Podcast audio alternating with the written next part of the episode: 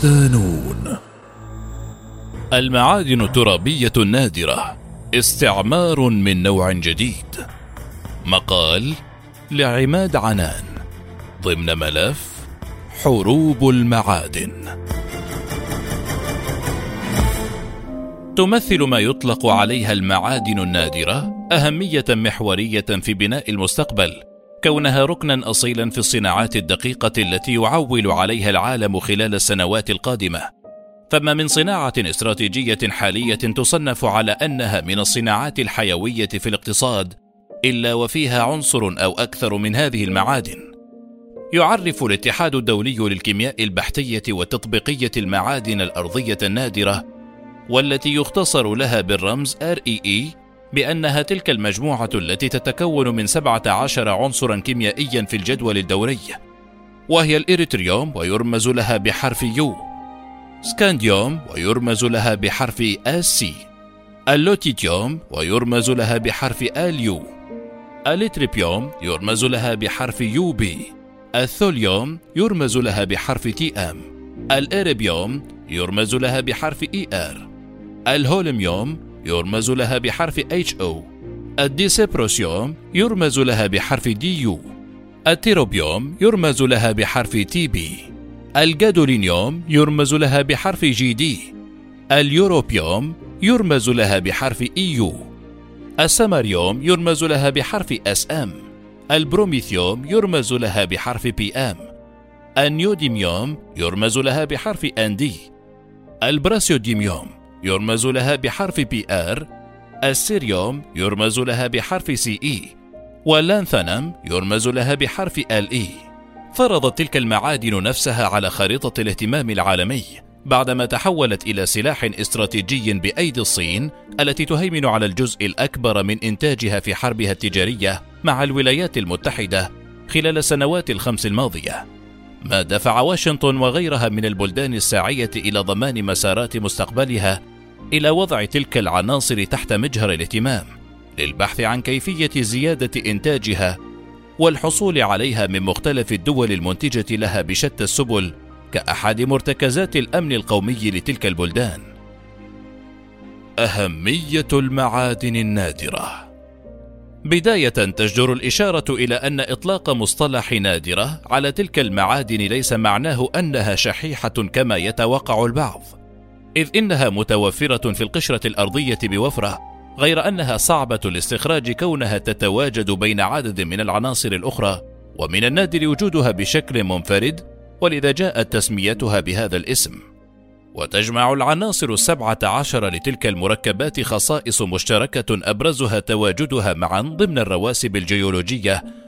وأحيانا تعرف لدى بعض الأوساط بأكاسيد الأرض النادرة بسبب بيع عدد كبير منها كمركبات أكاسيد بجانب أنها جميعها من المعادن الثقيلة والناعمة وتمتاز باللون الأبيض الفضي. ومن العناصر المتواجدة بوفرة من تلك المعادن السيريوم، النيوديميوم، الإتريوم، اللانثانوم، وأخرى يصعب استخراجها بسبب عدم توافرها بتركيزات عالية بشكل كاف للاستخراج الاقتصادي، كالثوليوم واللوتيتيوم، فيما يتواجد جزء كبير من تلك العناصر في المعادن الصناعية المستخدمة بكثرة النيكل والكروم والزنك والقصدير والرصاص. وتكتسب تلك المواد النادرة أهميتها من دورها الاستراتيجي في الصناعات الحيوية فهي إحدى المواد الخام الأساسية في بعض التطبيقات كعلم المعادن وتلوين الزجاج والسيراميك والمحفزات المستخدمة في صناعة السيارات والبتروكيماويات والفوسفور في صناعة المصابيح والشاشات المسطحة وبطاريات الحالة الصلبة القابلة لإعادة الشحن NiMH والليزر والألياف البصرية بجانب أنها عناصر محورية في التقنيات الناشئة كالتبريد المغناطيسي وخلايا وقود الحالة الصلبة وتخزين الهيدروجين والمغناطيس الدائم عالي الأداء الذي هو بدوره ذو أهمية في مجموعة من التطبيقات عالية التقنية كتوربينات الرياح ومكبرات الصوت للهواتف الخلوية والميكروفونات. أصبحت تلك المعادن أحد أضلاع صناعة الإلكترونيات في الآونة الأخيرة بعدما ثبت نجاح استخداماتها. ففي جهاز آيفون مثلا هناك سبع عناصر من المعادن النادرة تدخل في صناعة هذا الجهاز. الأمر كذلك في بطاريات الهواتف والسيارات الكهربائية. وقد كشفت العديد من الدراسات التي أجريت مؤخرا عن خطورة وأهمية تلك المعادن التي باتت سلاحا قويا بأيدي من يمتلكها. وتدخل العناصر النادرة في تقنيات الدفاع الاستخدامات العسكرية ونظارات الرؤية الليلية والأسلحة الموجهة بدقة ومعدات الاتصالات ومعدات نظام تحديد المواقع العالمي GPS وغيرها من الأجهزة الإلكترونية الدفاعية كما أنها تعد مكونات أساسية لصنع السبائك شديدة الصلابة المستخدمة في المركبات المدرعة والقذائف. النشأة والتاريخ كانت معرفة البشر بالمعادن النادرة عام 1787 حين اكتشف الضابط السويدي وعالم الجيولوجيا كارل أكسل أرهينيوس المعادن السوداء والتي أعيد تسميتها عام 1800 لتصبح جادولينايت وذلك خلال تنقيبه في أحد المحاجر في قرية يوتربي بالسويد ومع إجراء بعض الأبحاث على تلك المعادن توصل الجيولوجي جوهان جادولين الباحث بأكاديمية توركو الملكية إلى إنتاج أكسيد غير معروف سماه يوتربايت نسبة إلى القرية التي كان بها المحجر وكان ذلك بداية اكتشاف هذه النوعية من المعادن. وفي عام 1803 اكتشف العالم مارتن كلابروث هاينرايش أكسيدا أبيض أسماه سيريا وآخر سماه أوكرويا. وبنهاية هذا العام كان هناك عنصران رئيسيان من العناصر النادرة الإتريوم والسيريوم. غير أن بعض المسائل العالقة الأخرى وقفت حجر عثرة أمام تلك الاكتشافات أبرزها صعوبة تحديد ما إذا كانت تلك العناصر المكتشفة خاما أم تحتوي على عناصر أخرى شبيهة لها في الخصائص الكيميائية. ونجح الباحث كارل جوستاف عام 1839 في فك هذا الاشتباك جزئيا. حين نجح في فصل السيريا عن طريق تسخين نترات وحل المنتج في حامض النتريك ليظهر أكسيد جديد اسمه اللانثيوم وقد احتاج العالم إلى ثلاث سنوات لفصل اللانثيوم إلى مزيد من ديديميا واللانثيوم النقي.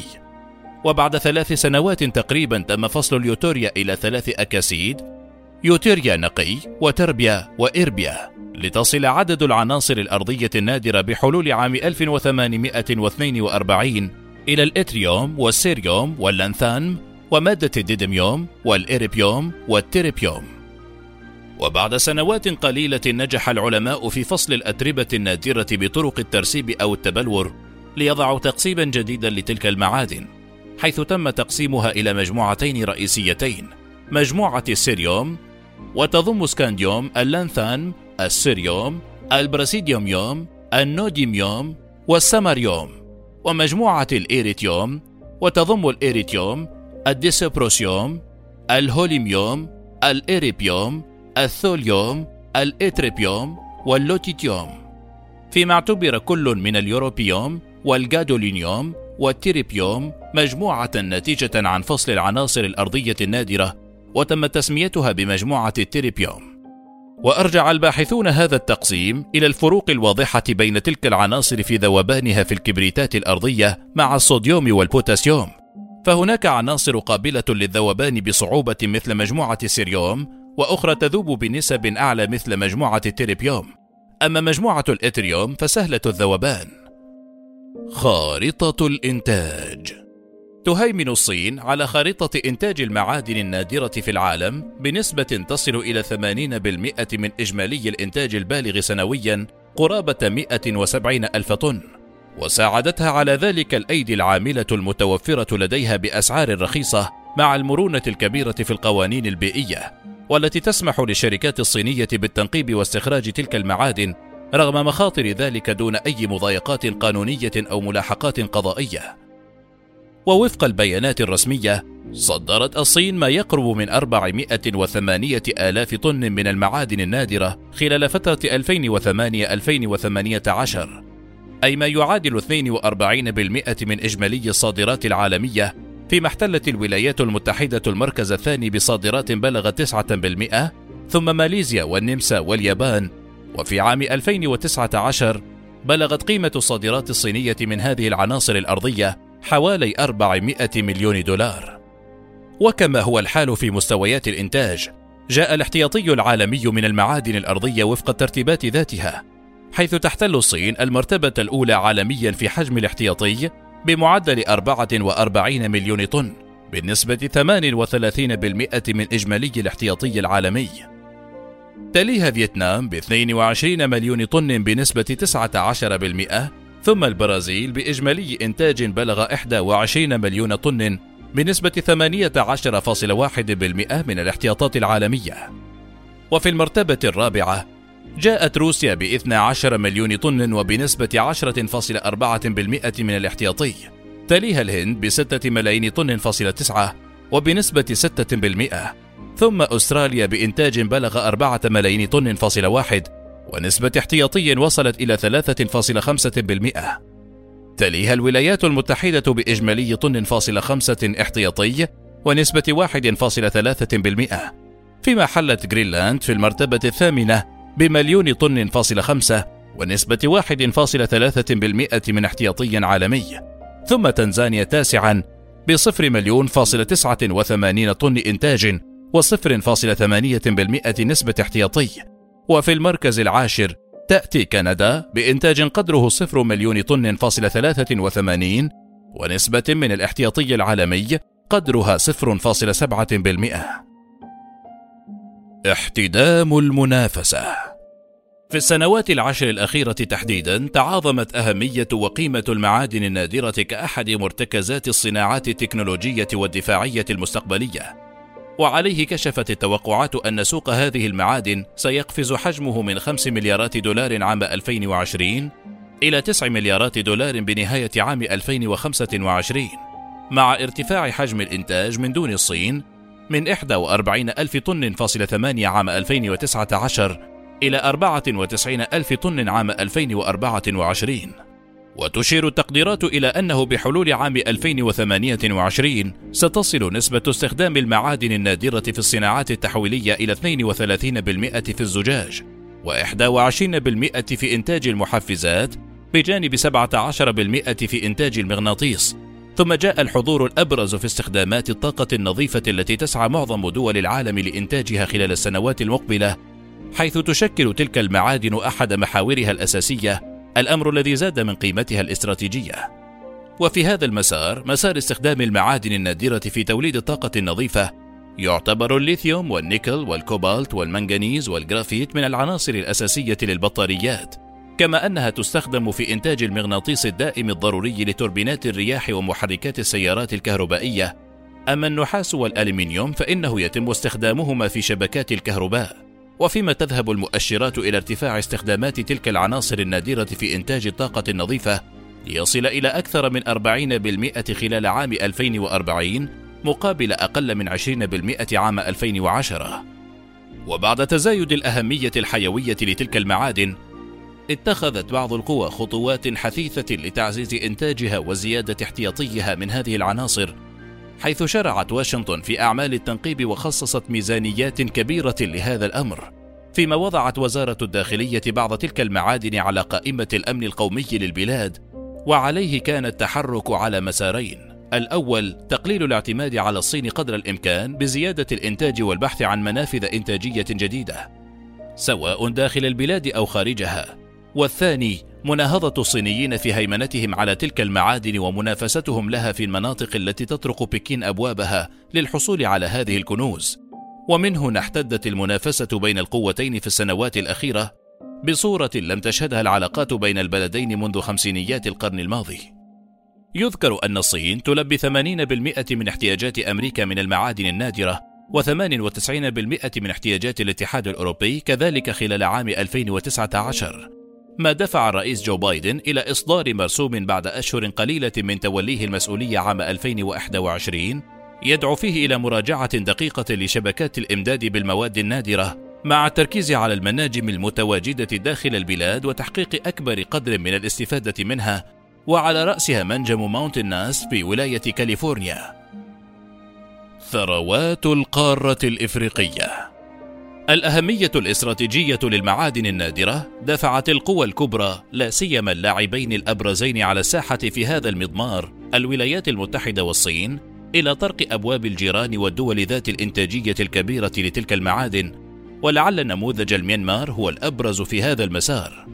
تشكل ميانمار الرافد الأكبر للصين لإمدادها باحتياجاتها من العناصر الأرضية النادرة فكما نقلت رويترز عن المدير الإداري لمؤسسة Adamas Intelligence المتخصصة في المعادن راين كاستيو قوله إن الصين اعتمدت على ميانمار في نحو نصف مكثفاتها من الأتربة النادرة الثقيلة في عام 2020 كما أضاف أن ميانمار أصبحت موردا مهما جدا للمواد الأولية التي تعتبر مكونات أساسية في المغناطيس الدائم عالي القوة لمحركات الجر في السيارات الكهربائية ومولدات طاقة الرياح والروبوتات الصناعية ومجموعة واسعة من التطبيقات المتصلة بالدفاع.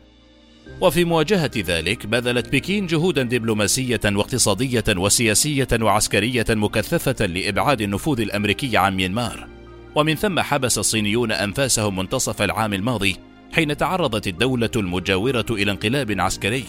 حيث تصاعدت مخاوف أن يؤثر ذلك على إمدادات المعادن في ظل ارتفاع أسعار القصدير والنحاس والأتربة النادرة. احتمالية نشوب صدام أمريكي صيني بشأن الهيمنة على الإمدادات المعدنية النادرة لم يتوقف عند ميانمار فقط، فالأمر مرشح لأن يحدث في ماليزيا وفيتنام ولاوس وكمبوديا، والتي تعتمد الصين عليها في كثير من وارداتها لتغطية احتياجاتها من تلك المعادن، حيث تستورد الصين من ماليزيا 17.06% من إجمالي وارداتها المعدنية النادرة، ومن فيتنام بنسبة 4.46%. حيث تذهب بعض المؤشرات إلى أن تلك البلدان ربما تكون ساحة صراع مستقبلي مع الولايات المتحدة خاصة أنها تمتلك احتياطات كبيرة من المعادن الاستراتيجية كالقصدير والنيكل والنحاس وغيرها ومن آسيا إلى القارة الأفريقية الغنية بتلك العناصر النادرة والاستراتيجية إذ يبلغ احتياطيها من البوكسيت 30% والبلاتين 85% والكروم 80% والكوبالت 60% والألماس 75% كما أنها تمتلك احتياطيا ضخما لسبعة عشر معدنا من أصل خمسين معدنا استراتيجيا داخل الكرة الأرضية. وتذهب التقديرات إلى أن معادن أفريقيا تلبي ما بين 60 و70% من احتياجات عمالقة صناعة التكنولوجيا في العالم. وتتركز العناصر الترابية النادرة في أفريقيا في ناميبيا وجنوب أفريقيا وكينيا ومدغشقر وملاوي وموزمبيق وتنزانيا وزامبيا وبوروندي وهو ما يفسر اشتعال التوترات في تلك البلدان خلال السنوات الأخيرة والتي ترجع في معظمها إلى التنافس على الثروات المعدنية والطبيعية. وسط اتهامات لبعض القوى الخارجية بتأجيج الوضع لتوظيفه لصالح أهداف اقتصادية تتمحور حول الظفر بأكبر حصة من هذا الإنتاج المعدني النادر. في ضوء ما سبق يبدو أن القارة الأفريقية على أعتاب مرحلة جديدة من الاستعمار. استعمار يهدف إلى نهب ثروات القارة لكن هذه المرة نهب ثروات الباطن وليس ما فوق الأرض. لتواجه القارة السمراء عدوا جديدا يمتلك أدوات واستراتيجيات مختلفة بعيدة تماما عن أسلحة الدمار التقليدية يهدف من خلالها إلى تأمين مستقبله التكنولوجي الدفاعي على حساب الملايين القابعين في مستنقعات الفقر والعوز ممن يعانون من هشاشة الواقع وغموض المستقبل.